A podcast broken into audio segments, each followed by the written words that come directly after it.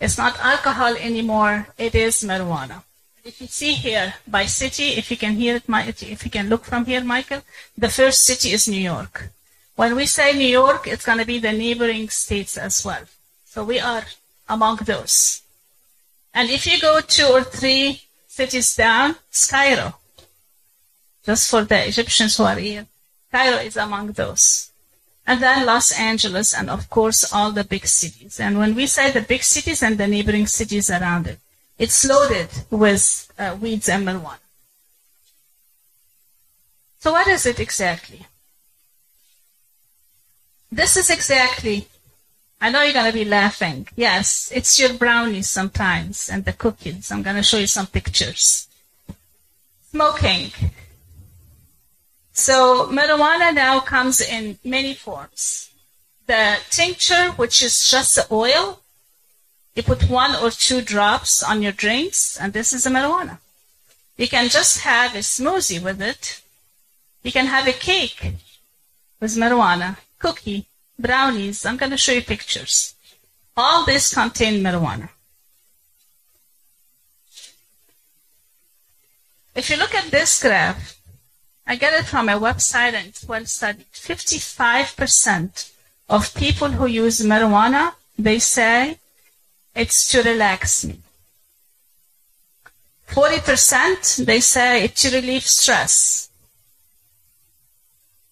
Again, 39% it says to treat my anxiety. So remember, make me relax, relieve my stress, treat my anxiety, treat my fears. Very small proportion will say treat my pain. And then very, very minor section, they will say, I take it medically. It's medically indicated. But look at this percentage.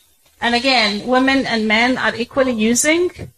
And women claim that they take it more as a relaxant and a stress relief and, and anxiety and all of this more than even the men.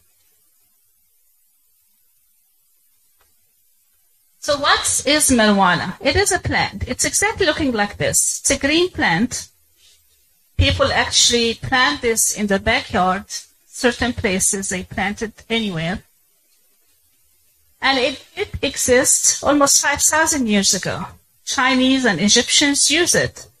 For childbirth, they will give women something to chew on, and they say this will alleviate labor pain and treatment of some kind of pain. Remember that time, at this time, there was no medication. And they found out this plant is easy to consume and then relieve the pain and then take their mind away or relieve their stress. And then they go into things very peacefully.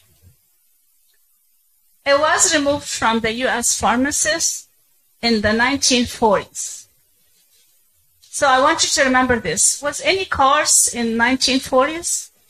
What do you think, Mike? Cars? Very few. So every city will have one or two or three cars. It was not a lot of cars, cars. So what they do, they say, these people come and take these plants from the pharmacy, and then they go home and they fight with their wife. They hit their kids. They fight with their neighbors. Something wrong about it. Let's take it out of the pharmacy. Make sense? There was some car accidents back then, but because there was was not a lot of traffic, we did not hit a lot of car accidents. Now we do. But back then, they say this plant, who is in the pharmacy. We have many pharmacies here. So it was dispensed in the pharmacy. People come and ask for this plant, and then they go home and they fight. They are really violent. A lot of crimes and a lot of destruction. So they took it out of our farms. Now marijuana is the number one illicit drug in the world, not just in the United States, in the world. Questions?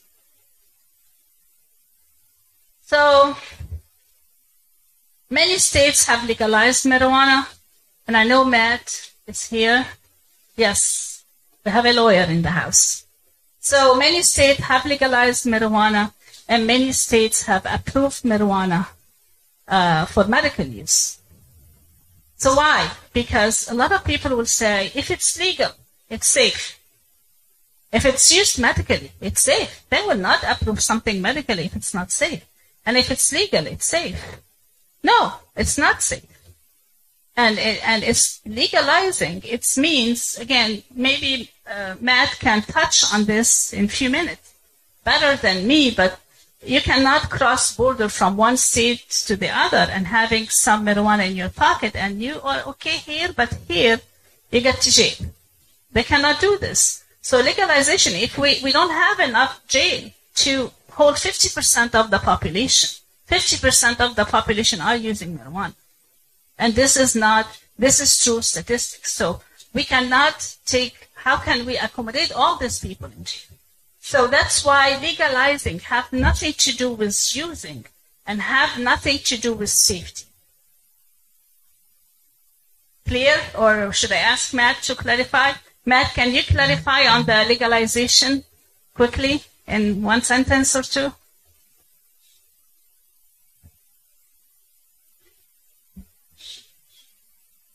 Uh, sure. Um, when it comes to the legalization of marijuana, at least from the local jurisdictions, which are the states, as well as from the federal government.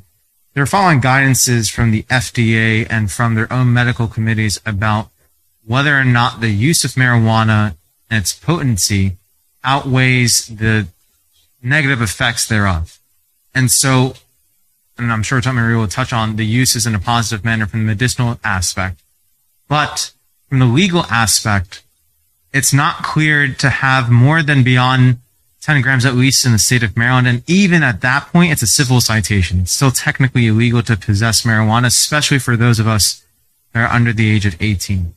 Um, when it comes to the legalization of marijuana outside of our jurisdiction, like Marie said, it is still considered a CDS or a controlled dangerous substance in the federal eyes, which means that once you've gone past the state border, you are now in the effect or in the act of transiting an illicit drug across borders, which carries a whole multitude of mandatory minimums in regarding jailing and sentencing. It's a mess. You don't want to be caught in that situation. Now, obviously, it depends on which state you're traveling to, traveling from. And again, if the federal government is going to be going after you for that, but it is a risk to be concerned about. Thank you, Matt. Michael, do you have a question? Uh, I didn't understand what you meant when you said it's not safe or. Well, it's coming, coming. Yeah. Keep keep keep um, keep this question. If you don't get the answer, we'll we'll uh, we'll, we'll respond. I just wanted to clarify why we are legalizing marijuana, and it's okay to legalize marijuana because it's going to be impossible to, like like Matt was saying, it is going to be impossible to keep calling people and get them to be in custody while half of the people can use it and moving from one seat to the other. So what, what the common questions and the common comments we hear? It's a plant. It's a natural plant. So what's wrong about it? I want you to think. This is what people will say. It's a natural plant. What's, what's, what's the problem with it? It's safe. Otherwise, they will not legalize it. People will say this. And unfortunately, a lot of people, adults, youth, uh, people actually, academic people will tell you, it's legalized, so it's safe. It's okay to use it. There is no addiction to marijuana. People will tell you this. I want you to pay attention because this is what everyone is saying. Oh, there is no addiction for marijuana. No, there is, and I'm going to show you a few things. And the last thing is it makes me feel good and it has no side effects on me. I don't see any side effects. Makes me feel good. Why you're telling me not to use it? So we're going to answer in this talk, we're going to answer all these questions. So yes, it is a plant. And yes, a lot of people will say it's legal, it's safe, have no side effects, let's all use it. All my professional friends use it. And they're very smart. Don't tell me I cannot use it. So just one slide on the pharmacology because we cannot pass any medicine without talking about the pharmacology of the drug. But this drug specifically, this plant specifically, It's a big, big section of so many names and so many molecules, and actually, it does have 400 different compounds. You don't see this field. So you can have a variety. The first two is the THC and the CBD. This is what we're going to be focusing on. But at least you understand that this marijuana plant or this weed plant have uh, many compounds, up to 400, and it can you can mix and match those compounds and have a lot of I don't want to say medication because it's not medication, but you can have a lot of compounds that it's usable. It depends on the THC and the CBD.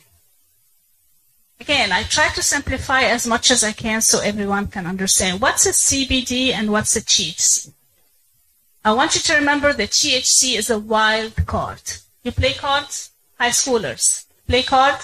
You know when you get the joker? Yeah, the joker plays everything, right? So the THC is a wild card. The CBD, it's a non, very benign, non, uh, does not have a lot of side effects. And I'm going to give you a small example. A family of mom and dad and a toddler go out for dinner. The mom is pregnant. The dad have a long day at work and long week and they all decide to go outside and have fun. And okay, I know I'm saying this at church, but, but forgive me, but they all say, okay, we're going to go have a drink. So the dad say, I had a long day. I'm going to have a beer. And a beer have 5 to 6% alcohol. Mom, who's pregnant, say, no, I cannot have 6 or 7% alcohol. I'm pregnant. Do you have anything light? And the waiter say, yeah, we have 0.5% alcohol. Yeah, fine. The toddler wants to have the same color of drink as mom and dad. So they all decide to get mango flavor, beer, 7% for the dad, 0.5% for the mom, and 0% for the toddler. They all look the same, right? If the toddler who get basically the mango juice, right? This is what he get. If the toddler who get the mango juice becomes sleepy after he drink the mango, what you think? Is it true mango eh, or it does have a touch of the alcohol? This is exactly the difference between THC and CBD. So CBD by itself have no effect on the brain. When it have an effect on the brain, this means that it's been contaminated or it's been touched by some THC. It depends on 0.2, 0.5, 1, 2, 5%. It depends. It's a big range, right? If the toddler get the beer with 7% alcohol, the toddler will be sleepy. Very sleepy. Right? So that's why I'm giving this example to understand the 400 different types of pharmacology of the marijuana dictate how much the effect on the brain will be, which is the wild card, which is the THC. Make sense? So, if anyone say, I take CBD to relax, does it really make you relax? If the answer is yes, it's not CBD only. Nothing. Very little. Proof appetite, little little things here and there, but not to the on the brain. And I'm gonna show you. I know I'm gonna have smart people today to ask questions. I'm I'm ready with some slides. All right. So I just want you to remember this example. The CBD do nothing to the brain. THC is a wild card and it plays and it could be any percentage. Make sense? So let's move on from this slide. This is the brain slide. So as you see, Michael, you ask, what does it do? So if you look at all these receptors, and this is, we call uh, marijuana and weeds act on something called cannabinoid receptors. Means they have to activate a receptor in the brain to have an effect. So all this are cannabinoids effect on the brain. The cerebellum is activated, the cognition, the planning. The hypothalamus activate different things. Movement, coordination, appetite, sexual activity. stress, um, memory, learning. So all these receptors are in the brain. And the THC and the CBD, for the CBD to get attached to this receptor, they have to have a touch of the THC, which is a wild card. Clear? Okay. So some um, some neuroscience. Who's here measuring in neuroscience, or will be measuring in neuroscience? There you go. So you, I'm sure you understand this. For any transmission to go from one nucleus to the other, it has to go through steps, right? So any interruption of transmission or slowing down of that transmission will cause slowing down of the action. Make sense? So what marijuana does, it does interrupt this transmission. Sorry, I don't have a pointer, but it does interrupt the transmission before one nucleus to the other. So interruption of the transmission will make everything slow down. Patient typically tell you, or person typically tell you, I cannot focus on the big picture now. Leave me. I don't want to focus on the big picture. Leave me, I'm just focused on the moment.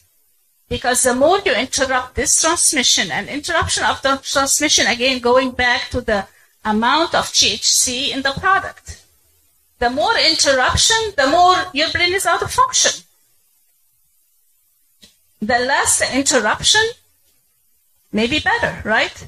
But at least we know any interruption of this transmission will make this patient and this person tell you, leave me, I am living the moment. I don't want to think of tomorrow. I don't want to think of the future. I cannot plan. It's difficult for me to plan. I have to relieve my stress.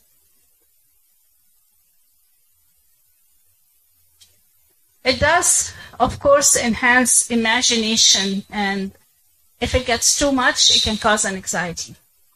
So people imagining things, people thinking of things, it does stimulate their anxiety, their sexual drive, their appetite, so many things. So all this coming from the slowing down of the receptors.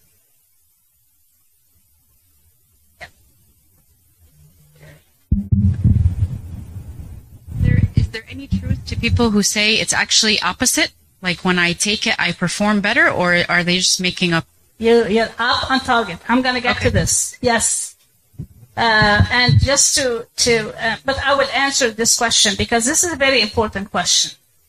Yeah, people who are in the hyper-excited phase, like ADHD and a lot of, like I have, um, I have patients who MD PhD, which are, they're very smart.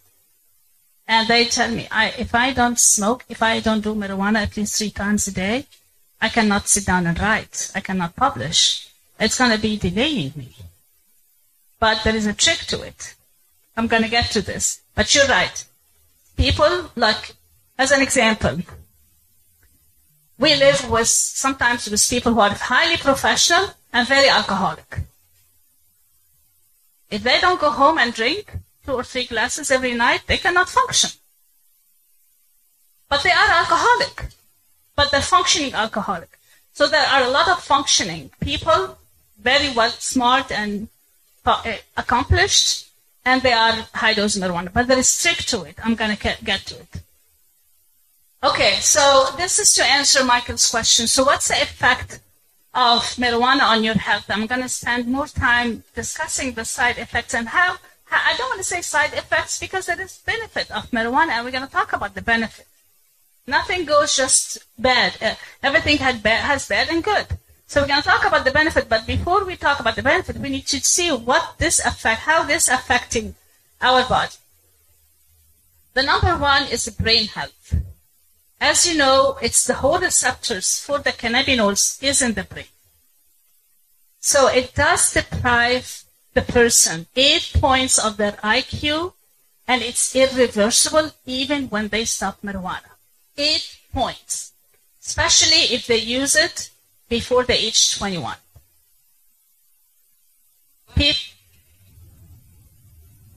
Because this is this is when the brain is well formed. So during the formation of the brain, from 14, which we know that they start using it age 14, sometimes before, but this is a range 14 to 21.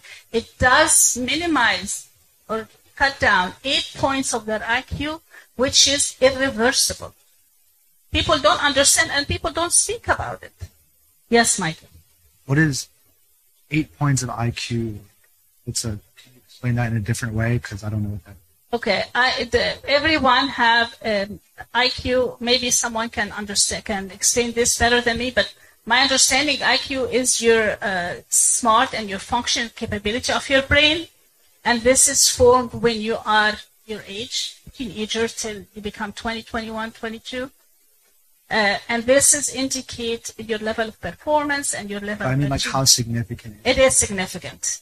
It is significant. Eight points IQ, it is very significant. So it does take eight points and it's reversible because even when we say people smoke, we tell them if you quit for 10, 15 years, your lungs might come back to be normal. But now our kids and and and uh, young people, when they don't know that this is taking really big part of their IQ, they keep doing it. I see questions here. Maria. Maria, right? Monica.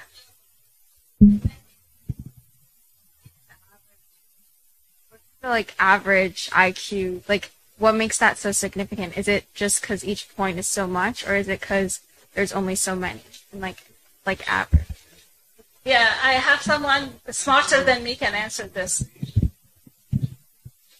just just so that you can get a, a, reference. So, me, um, a definition of mental retardation, medical definition, obviously, is less than seven. Uh, the average is uh, is anywhere between 80 to 100. Einstein is like 140 or so. Just to give you an idea. Yeah. So 8 is like close to 10. 10 is pretty significant, right? So it's a 10% decrease of whatever you your optimal average would be. So just to give you an idea of, and of uh, that. yeah, and when they say when they say average eight, could be ten, could be seven, it could be a range, and God knows where your IQ started with. Yes, Um, how can you, how can you like, ob- Right? yes, how can you like, how can you measure this? How do they know that this happens? Like, how can you objectively measure someone's studies. decrease in IQ? a lot of studies. But if everyone's IQ is different and it changes over your years, how can you measure that after a dose of cannabis or whatever that it Well, we actually did went down eight dose. points? We did not say just one dose, but Or the whatever use amount. Of, the use of marijuana, uh, it's well studied. I don't know how they ca- how they did this study. Assessment, yeah, yeah. Nada is saying assessment. It's really assessment, and uh, we have a Yeah, that's what I wanted to say. It is an assessment. So the IQ is measured measured through an assessment. So you can do a study, and I don't know about that particular study, but I would think any study, you would get the individual, have their IQ prior to them consuming marijuana, and then measure it back again after they have consumed marijuana. Very good. No, you don't give them, but you how, how you measure the IQ? There are assessment scales. It is a it is like a screen of questionnaires that are asked to get a, a, a measurement, a number, a numeric value for the IQ. It's an intelligent quotient. I, I'm I'm gonna I'm gonna tell you. man. Then best I'm gonna explain to you. So so it's called IQ stands for intelligent quotient. Intelligent quotient was established in the 70s to measure as a as an artificial. Then Philip, I'm gonna answer you. Uh, Listen to me and then tell me if you still have the question. So the intelligent quotient that's uh, basically a like 20 page kind of evaluation that's standardized that's been established since since like the 70s or, or 60s it, it's really it's not like the best way of measuring intelligence so don't get it as a gold standard but it does help you uh, kind of put something that's very abstract in more more more more uh, finite definition the, the studies are probably like so the best way to make a study is to take some people randomly assign one to, to smoke pot and the other one not to smoke pot and then measure their, their uh, that's impossible right? You can't do that. It's not ethical. So a lot of these, and, and it's very difficult to, to find a study where you're going to get someone that, you know, Uh, in advance that they're gonna smoke. So come do this test, which is a very long kind of formal test, and then smoke, go for a couple of years, and come back again and do it. So what happened is these studies are observational. So basically, they take a random sample of people that don't smoke pot, they measure their IQ, and they take an equivalent same characteristic sample of people that smoke pot, and they measure their IQ, and then they look at the difference. So there's not perfect way of measuring it, but it is a, a, as good as we can get from this perspective. Does that make Yeah. sense to you? Yeah, Okay. Philip, this is a very good question. Very good question. I have another question though. So Yeah? I don't think you discussed dose. Uh, it's good to to uh, to, to, to like uh, discuss safety and efficacy, but uh, I think without the context of dose, it might be a little difficult to interpret. The dose, right, right, definitely, definitely. Again, we're, we're, we're talking, we're talking, uh, I'm glad that we have a lot of, I, I know, I know we're going to have a lot of smart questions, but thank God we have a lot of smart people to help me answering the questions because I will not know everything. I see a question here, and I see a question here. So I know that statistic. That's by the age of 18 for the use of marijuana by the age of 18 for a decrease of eight IQ points because that's when they're younger at the development of their brain. What about over the age of 25? That's not as Over the age of 25? Yeah, Yeah, it's not as gonna come significant. But you're saying you're saying 21 and all of that, but that's only by the age of 18, from Yes. teenage years to the end of the age of 18.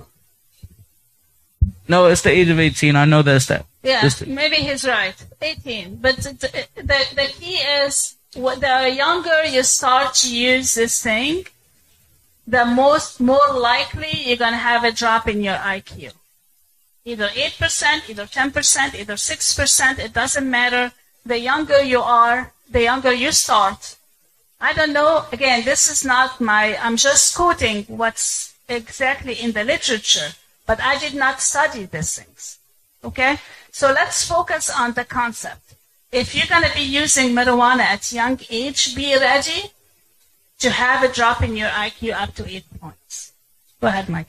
Uh, do you know the just for comparison, if what's the effect of like alcohol on underage users for IQ?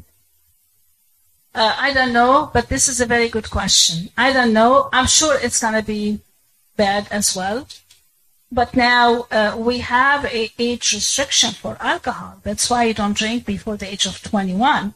But we do not have anything for marijuana. What do you mean? I mean, for alcohol.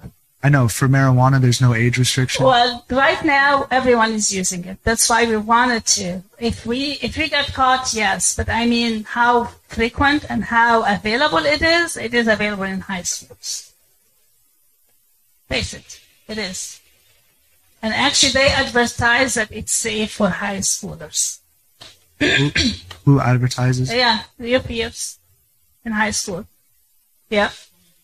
21? Okay. All right, John. So I, I know that this point, I, I know that this specific point of IQ will hit home, and I'm glad that you guys thinking about it and talking about it. Let's keep talking about it. the whole purpose of this session is to break the silence. We have to keep talking about it. And I'm sure, maybe not you, maybe other friends are circulating this in high school and say, it's safe, it's safe. Yeah, if they see you with a beer in high school, they will expel you. But now, they, it's circulating in high school. So we have to be aware. It will make you dumb. Basically, dropping the IQ is going to make you dumb. So let's continue because there is more, more into uh, this cannabis. Yeah, should. Remember, when they are intoxicated or they have this in their brain, they cannot function. They cannot function. They cannot study. They cannot do tests. They cannot do a lot of things. So let's go to the next point. I know you have, I know you have a question here, but I want. Is this related to this point? Yes, go ahead, You know how there Chris. Right? Yeah. All right. You know how there was the question earlier about how like when people take it, they'll like feel like a performance boost or something that can help them focus more. So how does how do those correlate if it like if it says impaired short term memory, motor coordination and judgment, how does So remember the slide I showed about the neurotransmitters? that it's really slowed down everything. And I'm going to show you another slide close to the end of the talk. How long you're going to be intoxicated means affected. Your brain is affected. If you're going to take an edible, up to six hours. The gummies, up to six hours. Doesn't it also depend on the dosage too? Yes, the dosage. But what we have now, it does have THC. And by the way, even small amount of THC have a greater effect on the body. Even they don't write it, it's fine print, 0.2 or 0.15 have greater effect because this 0.2, this is what we use in medicine to treat serious disease. Now I'm going to talk about this. But this is, again, all these questions are smart. If you, if you don't get the answer by the end of the talk, we're, we're going to keep the conversation open. How about brain health? Listen to this. We find a lot of correlation between marijuana use and psychopathic disorders. Means anxiety, depression, schizophrenia, bipolar disorder, uh, anxiety. A lot of psychosocial problems or psychopathic problems correlate with the use of marijuana in the literature. When I say literature, means a storm of studies. We don't know which one started first. Did they start using marijuana early on and then they became depressed and anxious and having a problem? Or they already depressed and anxious and having a problem and then they reach out for marijuana. So scientists could not identify which one started first. The use or the mental health. Make sense? But we find a great correlation between the two. And actually, if anyone is prone to have a mental health problem and they start using it, it will be aggravated. It means it will be more pronounced. Make sense?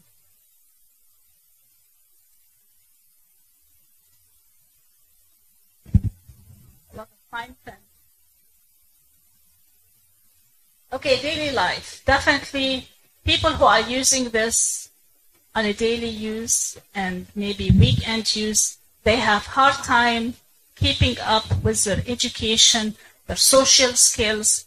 If a husband cannot keep up with his family, with his kids, with his income, it's a lot of disruption to the daily life. So we talked about brain health, especially for young age. We talked about the mental health, which is a great correlation, bonding between the use of marijuana and the mental health problem. And the daily life is really disruption. Most of these people cannot reach good, good education, except the one we're talking about. I'm going to get to those ones. So cannot reach good education, cannot have a good income, cannot keep up with a good family, they cannot keep up with their social skills. It is really bad. Uh, a question? I see. Oh, yeah. John, John. You said a cause is anxiety and depression, but you're a doctor. Like they prescribe med cards as the biggest reason being for anxiety and depression. Yeah, I know. But you're that. saying it's a cause. I don't. I did not say cause. I said it's it's correlation. It says mental health. It is correlation between mental health and the use of marijuana. We don't know which one started first, but there is a big correlation. I understand they prescribe this for for uh, for anxiety and depression, and it's a wrong prescription, by the way. People take it thinking they were relaxed. No different than alcohol. No different than alcohol. If you wanted to remember one thing, remember what I say. It's no different than alcohol. People sit down and drink because they wanted to relieve their anxiety. Is it relieved by the alcohol? No. They will become more anxious and they will drink more the next day. Keep the rest of the questions. Yes. Philip, go. Um, so what about what about people with like generalized anxiety disorder or like panic attack disorders who cannot sleep unless they take like a dose of like legally prescribed cannabis? So like is that should, they like not be doing that? Like is that a bad thing? That's why is it stigmatized? There is other, a lot of anti-anxiety medication. They are really FDA approved, not the marijuana. Not the marijuana. I know you guys are asking tough questions. No, it's not the marijuana. Yes. Can I uh, can I just put like a little explanation on the mental health? So mental health is very complicated and there are a lot of overlapping things. There's somebody can look like they have an anxiety, but actually they might have bipolar or somebody that look like they are depressed, but they're actually schizophrenic. And even as physicians, if we are using a medicine and we think that person has anxiety and we treat them with an anti-anxiety medicine and we missed that that person is bipolar, he will go into a psychotic episode. He's, he might go and throw himself off the building thinking that he is Superman. So it, it is not to be taken lightly that I'm going to take something to make me relax because it acts on the brain and the brain is an extremely complicated process. We're going to get into more details, but this, this is a very good question. Thank you. subject. I think it's it's good. I know maybe it's in another slide, but I think uh, that's a very good question. I mean, the bottom line is there's a contradictory, uh, like the, the contradictory message in that uh, these are the side effects, and then there is uh, other people that benefit. But the bottom line is it's individualized medicine. So, so the bottom line is for you to self-medicate, which people have been using forever, right? Schizophrenics. If you uh, if you see uh, people that are on the streets that are homeless, a lot of the time they have schizophrenia or other disorders, and they're self-medicating, and they've been doing it for 20, 30 years. So there is something to learn from that, in that for these pe- for these people there is a benefit. But the key thing here is for you as an individual is the transmission, uh, the transmitter is slowing down, and are you using it as an escape, or are you using it in an, or do you have ADHD? And you haven't been diagnosed. And by the way, depression is a comorbidity of ADHD, ADHD, Yes. attention deficit hyperactivity disorder. So if you've been having ADHD all this time and you're having trouble at school and at home because you can't control yourself because your neurotransmitters in your in your brain is too much, then you're gonna get depression, and then you're gonna treat it with with cannabis, and then you're gonna get better. So so we want to avoid anecdotes. We want to look at the general uh, you know, the message, and and there's always exceptions, and we want to individualize it to ourselves or our friends or or that. And I think if you do that, you will benefit. It will benefit more because there's always exceptions. You're gonna get exceptions at all times. So Yes. something to yes. think about. Yes, thank you. So, so the key here, you don't self-medicate yourself. You don't self-medicate. We're going to get to a lot of details on this, but at least right now, it's not the treatment for anxiety. It's not the treatment of depression.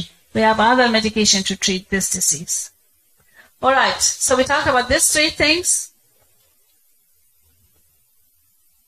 The last one, the last one was a, was a lifestyle.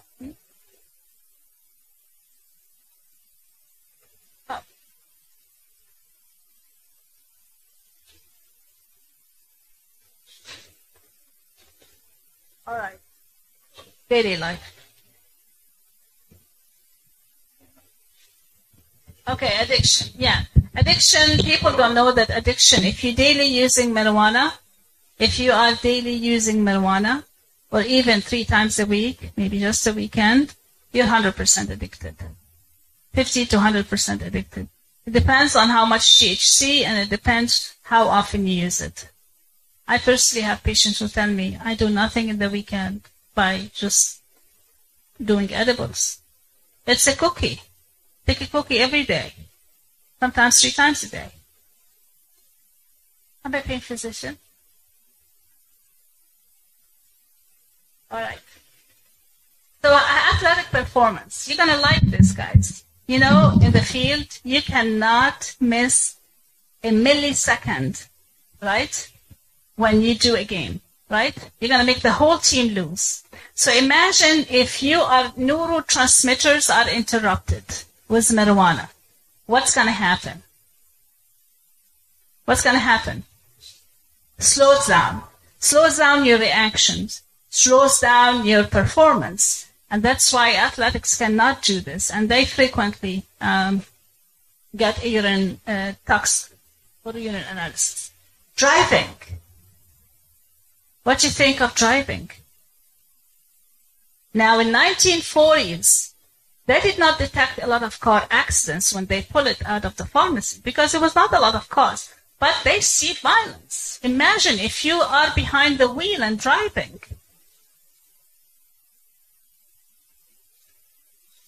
Can I take a question? Sure. So driving, it's a no-no. You cannot drive. You cannot drive after you take marijuana. This is going to be bad. I'm going to have one more thing and I'll take question. General health in general, and this is for adults, it does cause a lot of pulmonary problems, a lot of cardiac problems, a lot of problems with your health if you're an adult and using marijuana. And now withdrawal symptoms, it is very dangerous. Someone who uses marijuana every day, every day, every day, every day, and then you come and deprive them from marijuana, they go crazy. They go crazy. So we have addiction, we have withdrawal symptoms, we have a lot of side effects. So this is by all means the medical component of marijuana. Question? Yes. Not necessarily a question, but more of a statement. When we talk about a legally prescribed marijuana card, we also need to understand the background behind the legalization of marijuana. The history of the United States dealt with a war on drugs from the Nixon presidency up until probably through the George Bush uh, presidency. And that's junior for those who are back at home. The focus of that war on drugs was to essentially incarcerate any individual who possessed, distributed, or used uh, any of these drugs, such as marijuana. The result of that is many underserved communities, especially within the African American population, resulted in mass incarceration. And in a response to that, that is where we saw a lot of pushback. The same politicians that everyone doesn't like campaigning Republican or Democrat are the same exact politicians who are trying to win over any vote they can get, which included the push for the legalization of marijuana, at least from the criminal side, not from the civil side and not from recreational use. Just to touch on the D, on the driving aspect. I have dealt with and tried hundreds of DUI cases so far. I would say about 60% of them involve the use of cannabis. Not necessarily as the primary, not necessarily as the main drug, but it was involved. Thank you. And to add on to that, Hmm. when you're driving and an officer picks up the whiff of a marijuana, it's it, your life of a normal traffic stop just blows up because now it involves a car search. Now it involves a a whole host of questions, and trust me, everything is going to be flipped in that car and inspected if they get the whiff of marijuana and you had committed some traffic infraction. Thank you. This is a very good point. Thank you, Matt. The number of, uh, you know, we work in hospitals. Many of you work in hospitals. When we get a trauma, does not have to be young, young or old. When we have a trauma, I would say 80% of those trauma means bad car accidents have marijuana in their system. Uh, at least, if it's not more. So it is, it is, either it's a cause or not, they have it in their system. So we cannot identify if they, if it's the reason or not, or somebody hit him. But it is, it is in their system. So we have to really understand that this is causing a lot, a lot of trauma. Yes, Philip. after looking at all like the health effects, so why is so so why so these effects, at least my knowledge, are not as severe as the effects of alcohol, especially long term. So why is alcohol like more legally available and less socially stigmatized, and why why why don't we focus on it as much as we do on cannabis? Okay, well, it's uh, the, the the issue here, and I sure Matt have something to say here. The issue here, I, I, we don't give medical card for people to go drink alcohol. Alcohol is still recreational. Alcohol is not medical.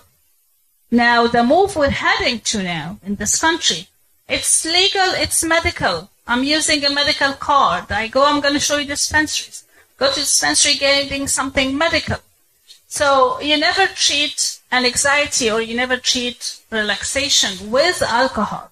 You self-medicate yourself with alcohol. You self-consume, but you don't get the license to go and get it. This is what we're talking about. Again, maybe Matt have something else to offer.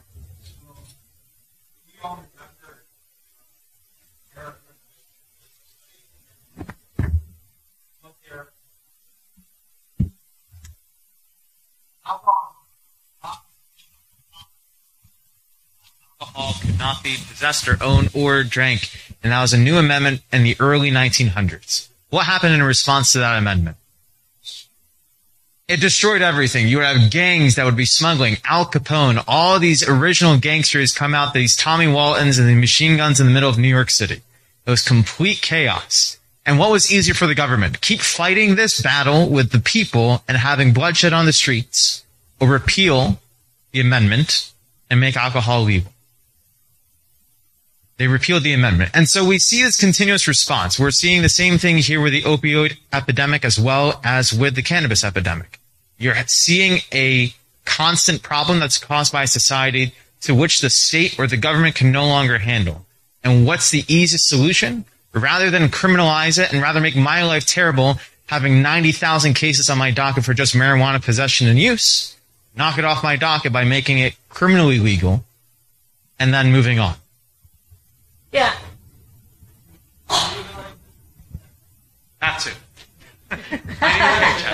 yes. Tax it, you get a lot more money, right? Yes. And that's what they've been doing for the last 30, 40 years in Yeah. the Netherlands. Yeah. Right. So, so just, uh, we don't live in a silo. We live in the world, right? And in the world, this is not an issue in many other countries. Okay. Yeah. So, so the reason why it's not an issue is because, uh, when you legalize things, it, it becomes uh, not cool to have it anymore because anyone can have it. So, Yeah. so this is what you want to, to keep that in mind. One thing about the alcohol, so alcohol is, is metabolized by the liver and it has, and it doesn't, and, and it's not really, uh, uh, its effect is not long term and it doesn't really work on neurotransmitters. So don't treat them as the same. Not all drugs are equivalent. Right? In, in their dependence, and their tolerance, and all these things. It's not good to obviously get addicted to alcohol, but, but it's not the same thing. Right? So, Yeah, So, so yeah, I, I agree. Well, Michael is saying, yeah, alcohol does affect, it does affect the liver, but it does have uh, neurotransmitters effect as well. And it slow down everything. And we see a lot of car accidents linked with alcohol too. Yes, I think uh, says Vakti have a question. Huh? Monica. oh sorry you've been talking about how marijuana is like it's been hurting all these people and they're treating it for anxiety and they're giving medical cards for it but it's not working so what are like what is it useful for Yeah, well, this is a good question. Remember the first slide, uh, Monica, when I show people say I take it to relax. People say I take it because I'm anxious. This is why they take it. It is cause it is cause it is working on the brain receptors to cause muscle relaxation. but it's it's only like it's only a temporary thing and it's not- Exactly. It's a temporary thing and it kept escalating. No different than alcohol. Before the marijuana history, when we talk about anyone who's alcoholic, they say, if I don't drink, I wanted to forget my problems. I wanted to forget my anxiety. I wanted to chill and relax and forget about my breaking up with my boyfriend or my girlfriend or all of this. So they start drinking to relax. So that's why I'm saying if you want to get one thing out of this, it's no different than alcohol. No different than alcohol. Does nothing to your body except damaging the body, and, and the only effect is, is, is relaxation. But this is not an outing. It's temporary outing. I wanted to continue because it's going to be a lot of answer to your questions. So, a few facts about marijuana. Again, I want you to know uh, it stays in the system for 72 hours, the marijuana, and the pot. I know some of you heard the word pot, especially in Baltimore. It stays up to 90 days in your system. If you take the edibles, which is the cookies and stuff, it stays six hours. You stay non-functioning, non-functioning for six hours. If you do the drops, which is the oil, it's up to two hours. If you shoot the plant, up to two hours, non-function, totally non-function. So imagine if somebody tell you, I do three times a day. So basically, three times a day, you're non-functioning the whole day. This is a full-time job. Make sense? 90 days in your body for pots and weeds. People don't know that. Huh? But it's, it's all the same. It's all the same, different. Like if you look at the, the weed, اللي احنا بنسميه في مصر الحشيش. Yeah, it's, it's, it's the same but different. I would say it's a refined, marijuana is a refined form of weeds, basically. And here you go. This is a dispensary. This is how a dispensary look like. What do you think? you have uh, cookies, you have uh, uh, all kind of fun stuff. Again, this is the dispensary. All they do is they put just a green picture, the green plant picture on the products, brownies, popcorn, oil, drinks, all kind, all kind, even facial cream, everything. So we gotta be careful because even if they sell it as a CBD only, if you read on the fine print, it will have something of THC. If it does cause any relaxation or anything to your brain, it does have THC.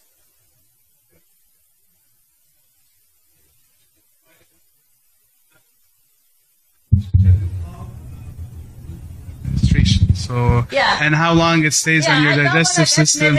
No, the reason why it's important is because then it makes sense, right? The other thing also that's important is that CBD has epilepsy treatments. It treats all to these this. things. We're gonna get to this. Yeah. So, but, but that's not our benefit, though. you Yeah, know. we're gonna get to this, but I just want people to know that the, the, the they come they commercially yeah they commercially come with a lot of stuff edible.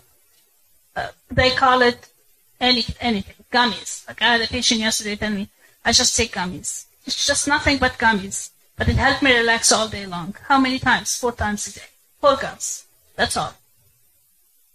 Question here, and then Oh yeah. Um, I was trying to ask this earlier about the sports. Uh, what's it called? It's like the NBA and NFL. They're allowed to use it as substances. no, Like yeah, they are. no. They perform and they're being No. paid millions to hundreds No. million. John John, no.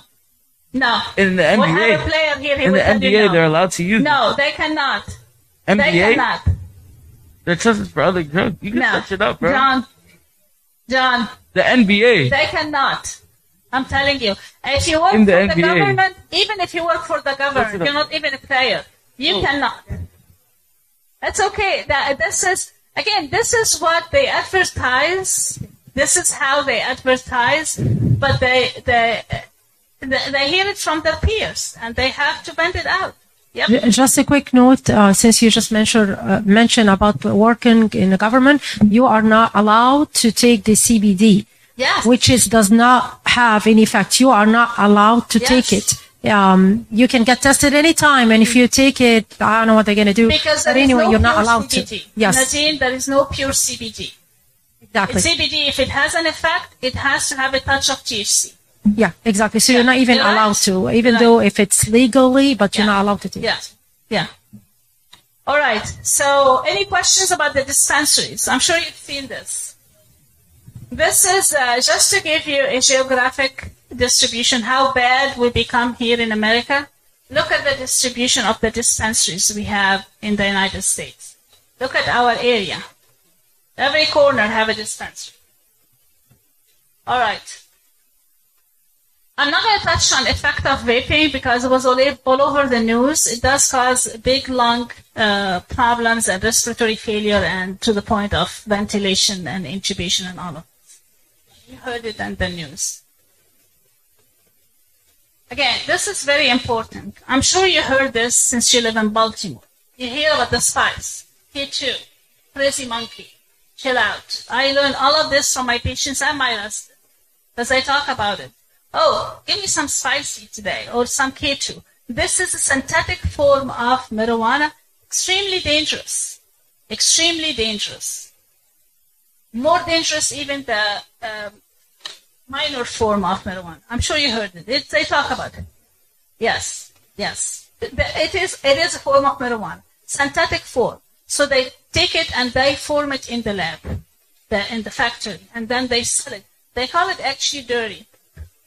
I heard tons of things. Garbage, garbage marijuana stuff. And they just, people take it. And it's everywhere in Baltimore. And to just to your knowledge, and I learned this from my patients, some, someone told me this area in Baltimore have it called this way, and this area call it this way, and they have this product this way. It's all over Baltimore. Yes.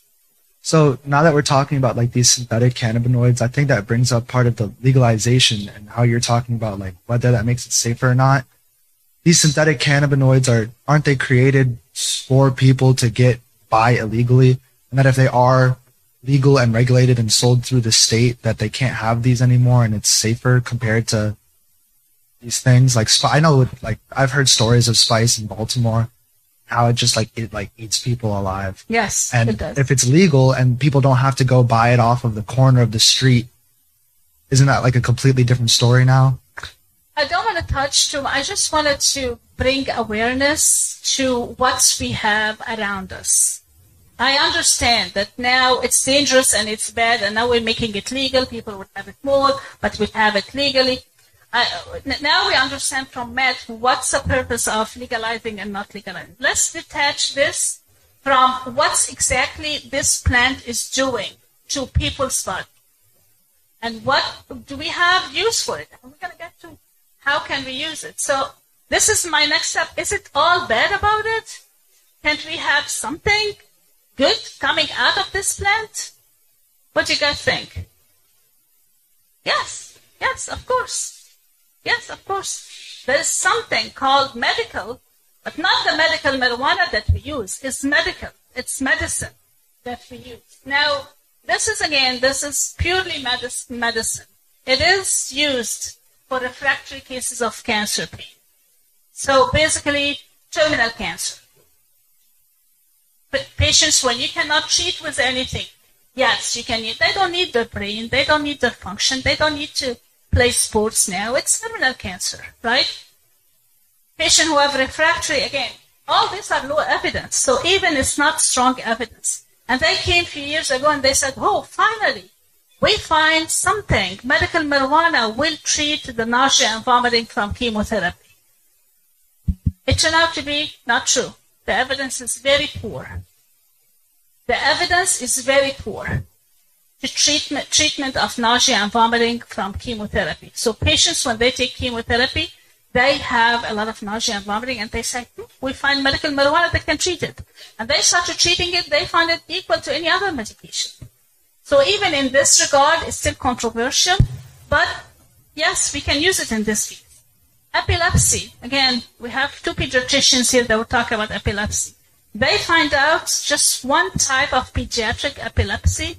These kids have kind of syndrome or enzymatic problems. They see 30, 30 times a day.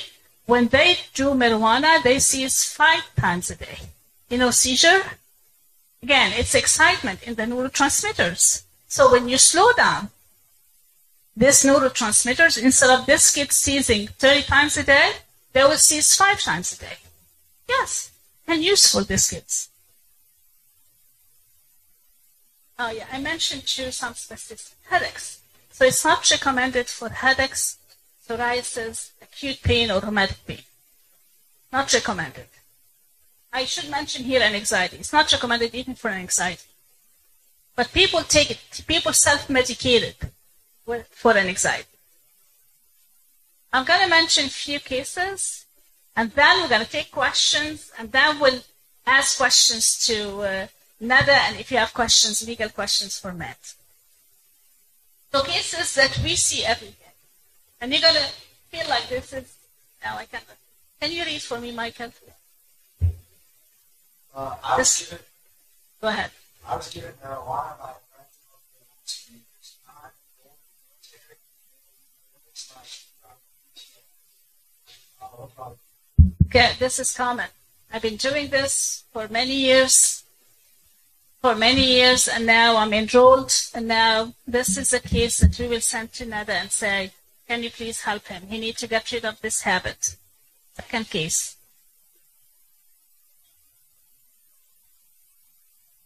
Uh, I've been telling him for years to stop smoking weed till our 14 year old son was found using pot at school. There you go.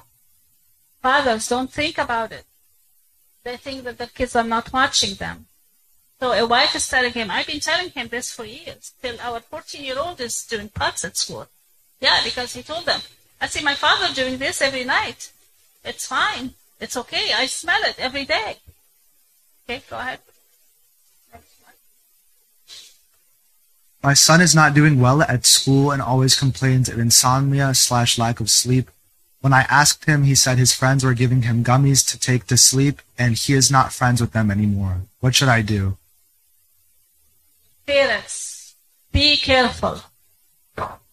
Kids who tell you, I don't sleep well at night, or I cannot sleep well at night, please pay attention.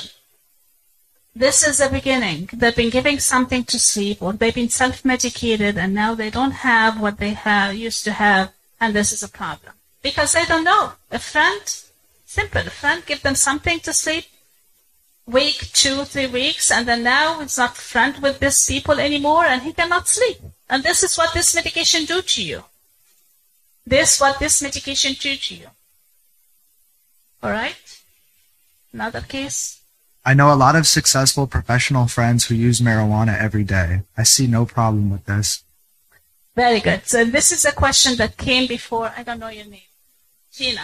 Gina posed this question before, and this is very common. A lot of my successful friends do marijuana, very successful, very accomplished. And I see no problem with this. And I, matter of fact, I like to be like them, but they're using marijuana every day. So this is a trick. Like I mentioned before, we have a lot of alcoholics, functioning alcoholics with us. But now, these people, when they get exposed to any physical stress or emotional stress, they lose it. They cannot compensate. For us in the surgical field, when they come and have a stress of an operation, I'm having hard time controlling the pain. I have to escalate, escalate, escalate the pain medication, give Valium, give tons of medication, although it could be handled with something small. So these people, when they have physical stress, trauma, or operation, or emotional stress, they break up with their friend, they have a failure in their life, they are deconditioned very quickly. And this is when the problem happens. They look very good on the outside and they look very successful. But just push them to the edge, they lose it. They cannot be normal. Does this answer your question, Gina? Yeah. No, Yeah. I actually do better at work and Yeah. studying when I get a little bit of marijuana. That's what I want to Yeah. know. Is there a basis to that? Is Yeah. there a Yeah, so I can function better. There is other thing that it's much safer that they can use instead of marijuana to make them functioning better, but they choose to stay on marijuana. It's exactly the person who tell you, I am full of anxiety. I have a lot of issues in my life. The only thing that calm me is when I use the gummies every night. Same thing. Yes, because it does slow down all the reaction. This patient, this person most probably have ADHD or any of the hyperexcitable phase that's really slowing down. I just want to share one thing. We, I had a patient one time who came to see me and uh, as preparation for a procedure, she's MD PhD. And uh, she said, uh, I came to see you, but you're not taking any pain medication. Yeah, I came to see because I know I'm not going to handle this small operation well. I know myself. And uh, I'm doing, been doing this for years, and every time I have any stress, I cannot do it. So we had to take her through a lot of counseling just to slow down the marijuana, just to prepare her. And even after the fact, it took her a long time to, because she's so deconditioned. So, uh, it is a, it is a mind game. They, we have to really talk to these people and, and understand where they get the, most of the patients are misinformed. Most of the people who use are misinformed. Now, I don't want to take time from Neda and the counseling, but we have questions. Go ahead, Shri. Then I'll take Philip next. Terrific presentation. Thank you very much. Uh, I really enjoyed it. And uh, if I get to try it I mean, people are trying to use it because they have stress in their life. They want to be relaxed. They want to perform better. And as you mentioned, it's only temporary. So after the effect, they realize that the reality did not change. The stress is still the same. In fact, they get themselves into more troubles by using it, by slowing their performance, decreasing their IQ, uh, all of the medical condition and violence with all of the effect that they created during this period. is there any, can you elaborate? Is there any literature showing that the logic for me is that next time they will use something different. They will go, in fact, and use something even more. So even if the marijuana is relatively safe and they think it's okay, but this pathway will ultimately end logically that they will use something else to try to change the reality or to try to overcome this reality. Thank you. Yes, this is a very good, very good comment. If, uh, for the young people who didn't understand what Dr. Sharif is saying, they use something to relax them and they use something to get them out of the problem, but this will not be enough. And the, there is a message always saying, once abused, always abused. So if you abuse marijuana, next thing will be drugs, maybe alcohol, maybe other thing, and then there is no end to it. And actually, just there's a lot of studies on it. And actually, something very, very recent. It came out actually in 2020. Uh, the states who are legalizing marijuana, at some point they say, "Hey, opioid epidemic. It's much better in those states. People don't die from pills."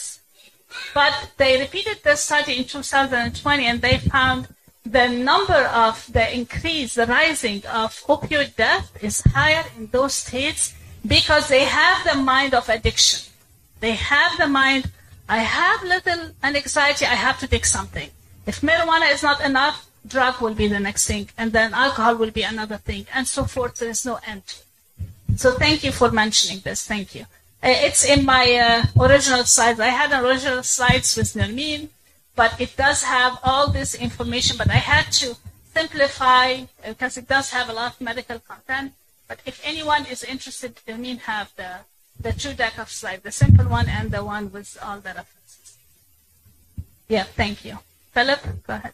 So, um, about legalizing again. So, how can isn't it isn't there a lot of benefit to legalizing because of the different like it keeps it it keeps the different variations under control and like like it's a lot safer to get it from like a dispensary than it is to get it off the streets and it could be laced with whatever. And I'm sure I'm I'm not 100% sure but I'm sure that marijuana related deaths have gone down in legalized states because they're getting safer alternatives versus what they can find off the streets which are not as clean and not as dangerous. And which was another problem with prohibition that I think pretty sure happened. Yeah.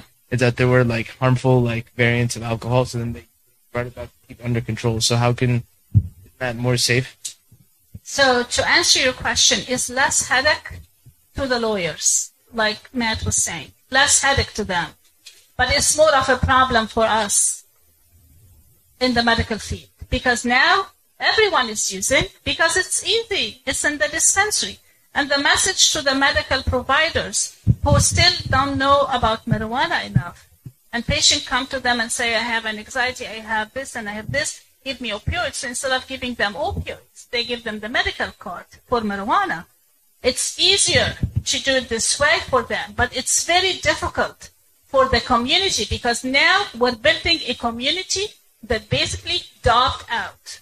We do have a community here now in America that 50% are using something every single day. And this something is becoming marijuana because of the dispensary.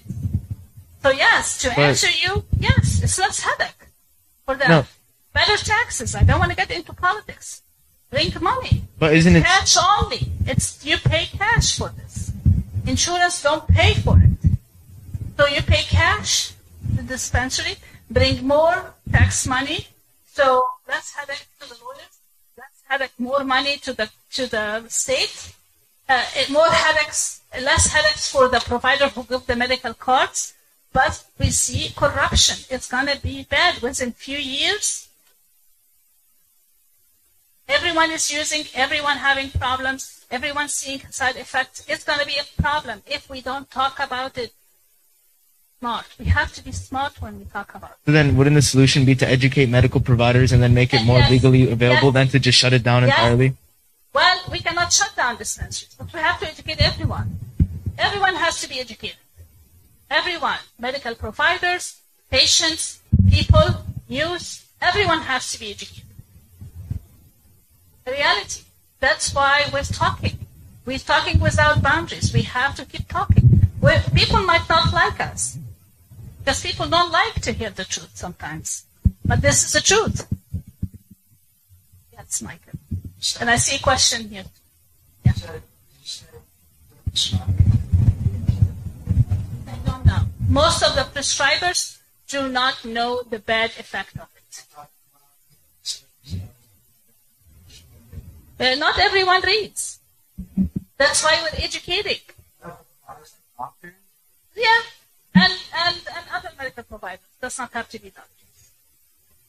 Now, unfortunately, again, I don't want to say this, and especially it's recorded. There are websites that give you the card. You just pay money. You give them the symptoms. Two hundred dollars. I know the. I know everything because you know this from your patient. Two hundred dollars goes on the website. You tell them, I have an anxiety, I have depression, I have this and this. They send you the medical card in the mail. Boom, done. Bad. It is bad. It is bad. People don't like to talk about it because it's so bad. But that's why we have to talk about it. People who know, they need to talk. They need to speak up. You think it should be illegal? No, I am with legalizing because the, we have to educate. Uh, I, I'm totally with Matt. You don't want to have 70 cases on your desk uh, or 700, whatever number he said. He needs to have time to do other stuff. But we need to rightly educate the public. We have to educate the public. We have to keep saying this is bad, no different than alcohol. No different, even worse than alcohol, in my opinion. Yes, questions here, Doctor will.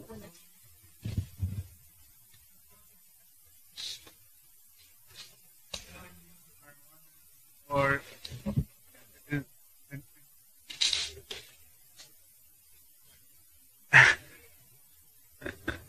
ask the question: Is the person selling the marijuana or advocating for you for the for marijuana? Does he have an alternative motive? Like, is it the dispensary or is it a person that makes money from from the fees, so that it's beneficial for for them he or she to, to hook you and then at the end of the day take like so when you go to a doctor they don't have stocks for example in this medication right yeah yeah yeah, so i don't think this discussion as as as as uh, as as was said is the discussion is not it should be legal or not legal right? The discussion is how to be uh, to, to be smart about it to educate ourselves about it and and and how to if if there is a listen listen. If there is a if there is like there's medical conditions right and all these things is to do it under supervision of someone who is unbiased who does not have a benefit for getting you on this medication Yeah. and who has the knowledge that's Yeah. the key thing it's not legal versus illegal i don't think that's what the Yeah, discussion this is not. it's really how to make sure first they're unbiased and second they have the education to, to be Yeah. not on your own because you don't have Right.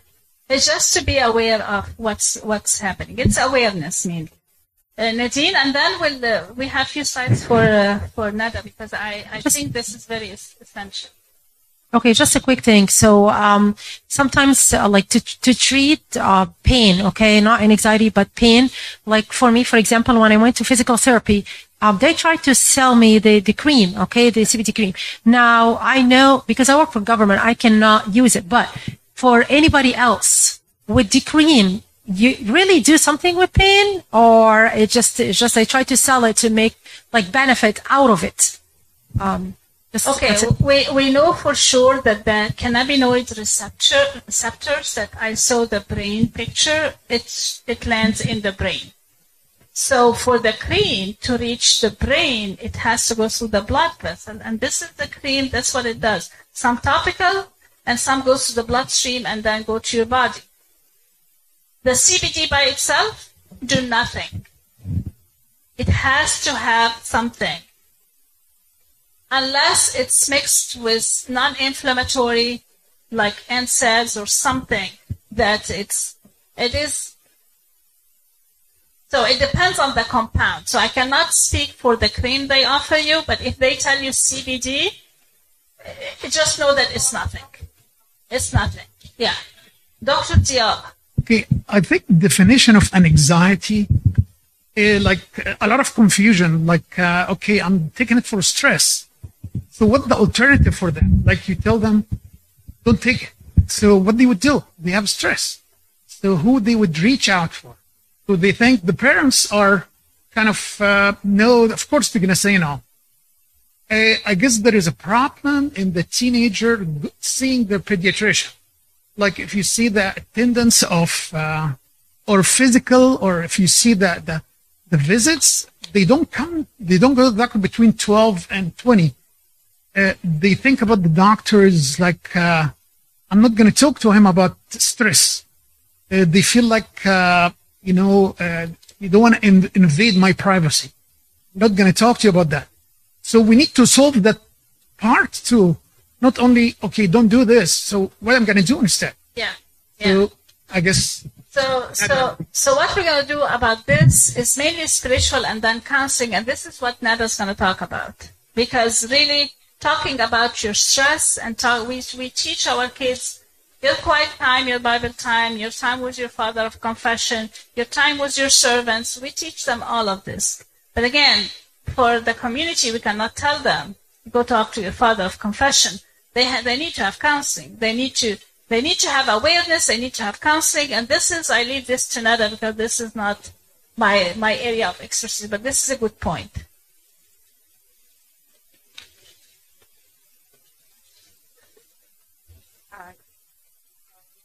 Uh, Dr. Hannah saying, like, uh, I'm a therapist and I am specialized in addiction.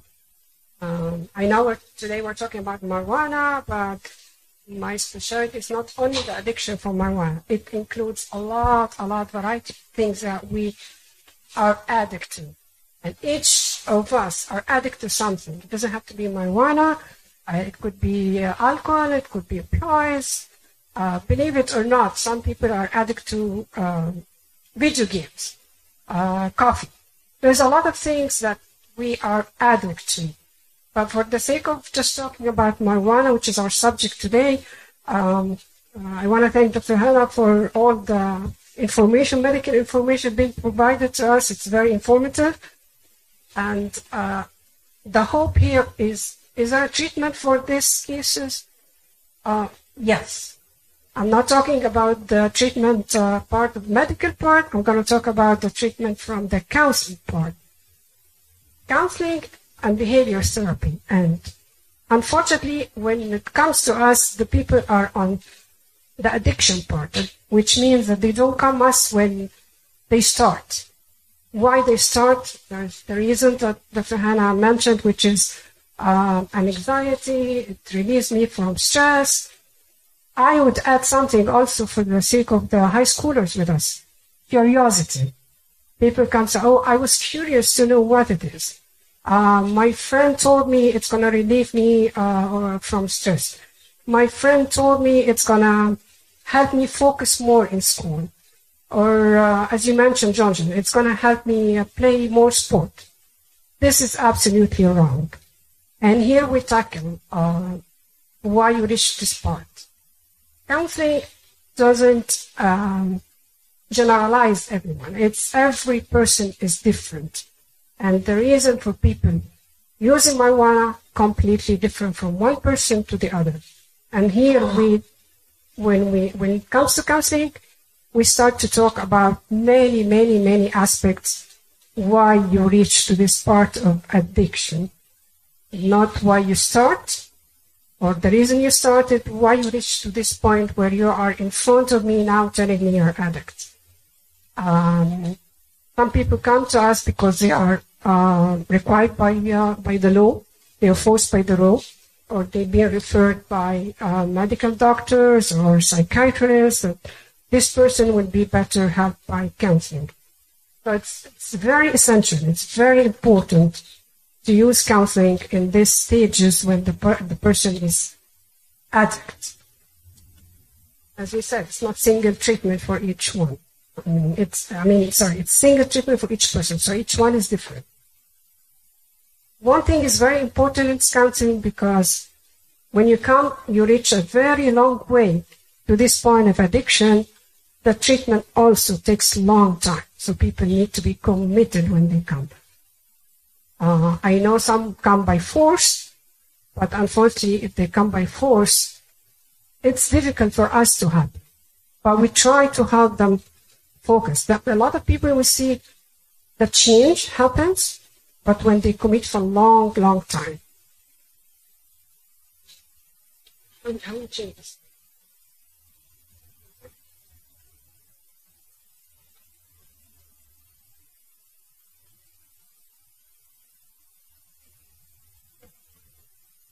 There's many theories in how we use to help the person get out of addiction.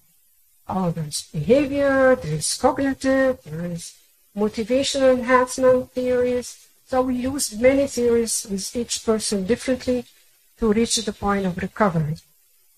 Uh, if the person co- coming for stress or an anxiety, we try to see some other coping skills to help them uh, get out of this. Or we let them have, if they are in uh, uh, or something, we always give them case manager who are under supervision with this case manager.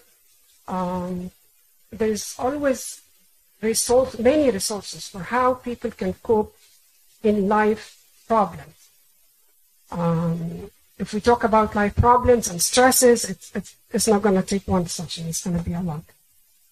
So in also in counseling, we also try to uh, tackle what's understanding of mar- marijuana, which is part of it what Dr. Hannah was explaining medically.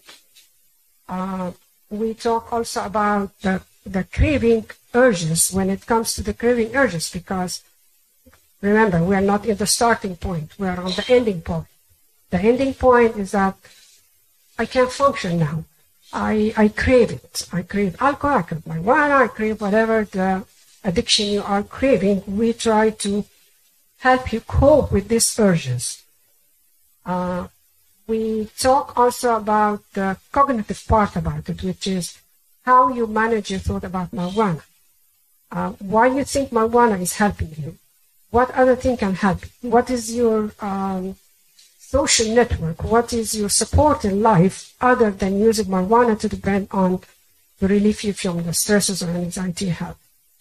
Uh, we always also give some planning emergencies just in case you are uh, hooked on this.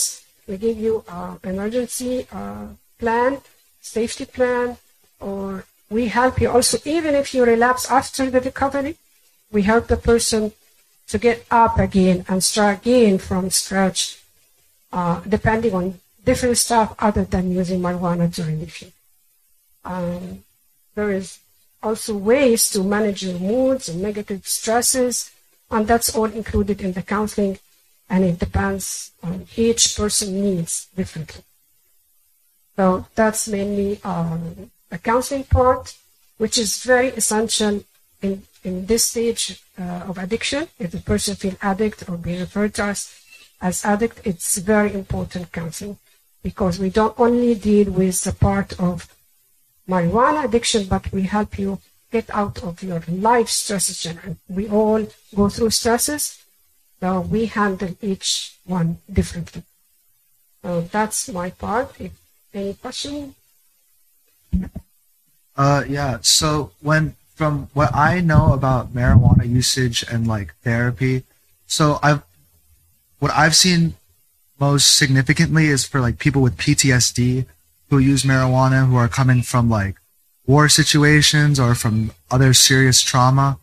And I was, I guess my question is, is it okay to use marijuana with therapy or like, do you know what I mean? Like, because I understand that it's a psychological problem that they need to talk through counseling, but is it something that can be used to supplement or does no matter what, like that creates a problem? That's a great question. The part of using the marijuana is medical part. So unless it's been prescribed by a psychiatrist or a pain management doctor, you are not allowed to use it because you need to use it under supervision. It affects you. So when it comes to the PTSD, that's what we handle in counseling. We use a lot of theories to get out, to help you get out of this trauma.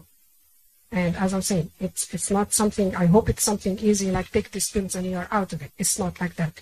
It's a long uh, commitment where we take you step by step. We, we see when you fall and when you get up and what's encouraged you, what, how you cope. But there is a lot of theories we use in helping you getting out of this uh, PTSD. And my other question was earlier. So, like, I intern at Hopkins and we do research on like Parkinson's, and I mean, I work with the en- with engineers, so they're doing like AI stuff to look at them. But from the patients that I've like had experience with, um, like when they're using marijuana and they're like really old people, this isn't like young people, this is like people in their 60s and 70s uh, who grew up when this stuff was like, you know, you have a joint and you go to jail for like 10 years.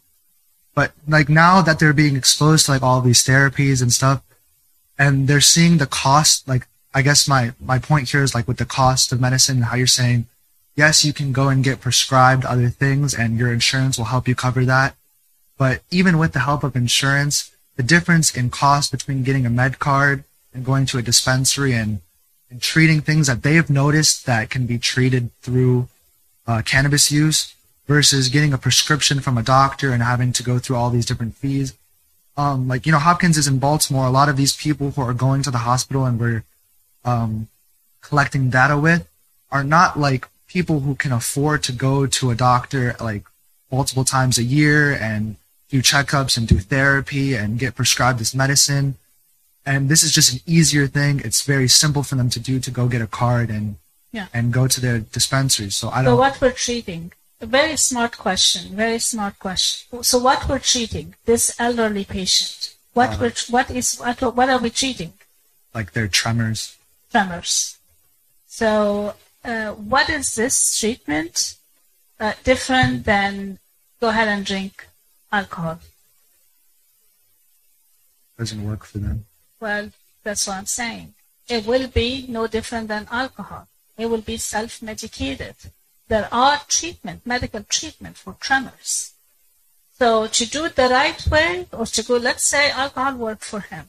So marijuana now is no different than alcohol. Now, getting a medical treatment, the right medication for tremors versus getting something temporary to relax them. Today has an effect. Tomorrow he will need to increase. Day after tomorrow he will need to increase. Yes, maybe we don't worry too much about the 70 and 80 years old.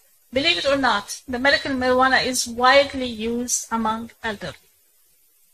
So I don't want anyone to think, oh, this is mainly for the young people. It's widely used among elderly because it's a way they have the money, it's all cash money, and they have the time and they don't have to get a job and they just do it. So, so medically treated disease has to be medically treated. Self-medicated disease, this is different. Everyone can do anything. I have patients who will tell me treated my psoriasis. I have a patient, a young patient who will tell me this is the only thing that worked for my migraine. I'm treating her for something else, and she's telling me I'm daily using marijuana three times a day because this is the only thing that treats my migraines. And I said, well, did the, your your doctor, your neurologist? Said no, I don't go to a neurologist. I just self-medicate myself. Well, this is not a treatment for migraine. Don't have any study to show this. Like you are doing, it's only temporary. Yeah. Only temporary. All right? Your father go first. Okay, Philip go first. So, I mean, after all this, I sorry if this is like already answered, but I couldn't really tell. Like, do you think so? Then, do you think it's okay to have? I, I cannot see. Yep. So, I don't know if this has already been answered, but after all, like, do you think that it's okay to someone to take um like marijuana as like being un- under supervision and medically um, like under the supervision of a medical profession professional, or do you think it's just like it's just completely bad? Yeah, but that's what that's that's my last few slides talk about. We have we have some pediatric some pediatric uh, epilepsy that better treated with marijuana, but it's just one kind of epilepsy. We have a spasticity from multiple sclerosis. You know, multiple sclerosis is a muscle disease. It's very bad, muscle and nerve disease, that it causes spasticity and rigidity. These people typically on wheelchair and electric chair, they cannot function if they don't use marijuana. And this is medically. medically recommended marijuana, and it's not a medical card. This is a like official medication, and they use it all the time. So this is a two condition that FDA approved the marijuana for: the epilepsy in certain type of epilepsy in children, and and this uh, spasticity with multiple sclerosis.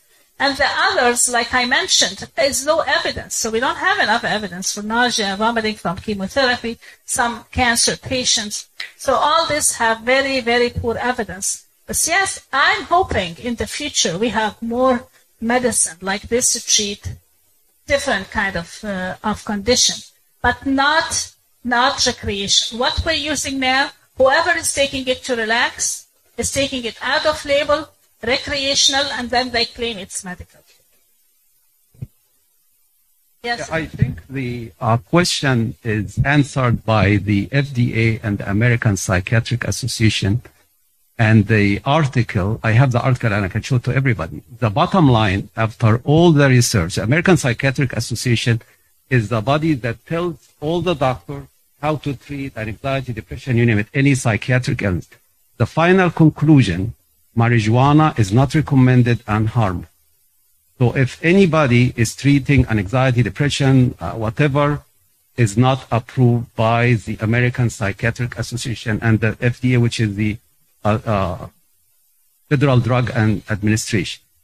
So whoever Michael is talking about, yeah, we use it for AIDS. People who have AIDS who are dying because they have not eating, they are losing weight, they are uh, bone and skin to improve their appetite. They are dying. This is called comfort care, palliative care. Somebody is dying. I, I don't. I have nothing to lose. If I don't do it, him cancer patient who is not eating because cancer is all over his body. I'm already giving him painkillers and everything because he's dying. It's comfort care. I, now I weigh the benefit and risk, and I say, you know what? If I don't do it, him he's dying anyway. What? I'm not worried about addiction. But we are talking about something that is not recommended by psychiatrists, by psychiatrists, and it is addictive. Addictive meaning I get hooked to it. I cannot live without. I end up selling my house and selling everything because I cannot live without it.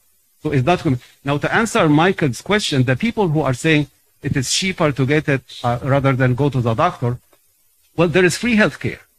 There is medical assistance. If you qualify, you get free healthcare. There is drugs that are you get. There is if you look at Walmart, there is Walmart drug list, ten dollars ninety days. You get a drug. There is antidepressant, anti-anxiety, ten dollars for ninety days. So the question of is it cheap? No, it is not cheap.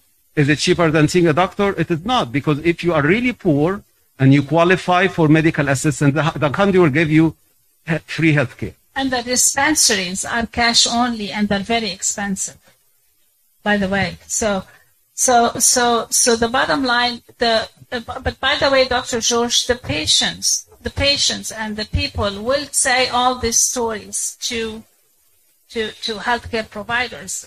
So what Mike is saying is this is what he, we heard from, he heard from the patient. It's a way to get out. It's like when you got someone and they're drinking alcohol, they tell you, oh yeah, I have to do this because I broke up with my girlfriend or I broke up with one, or I have, or I have, or I have. And they give you a full story that it's not true.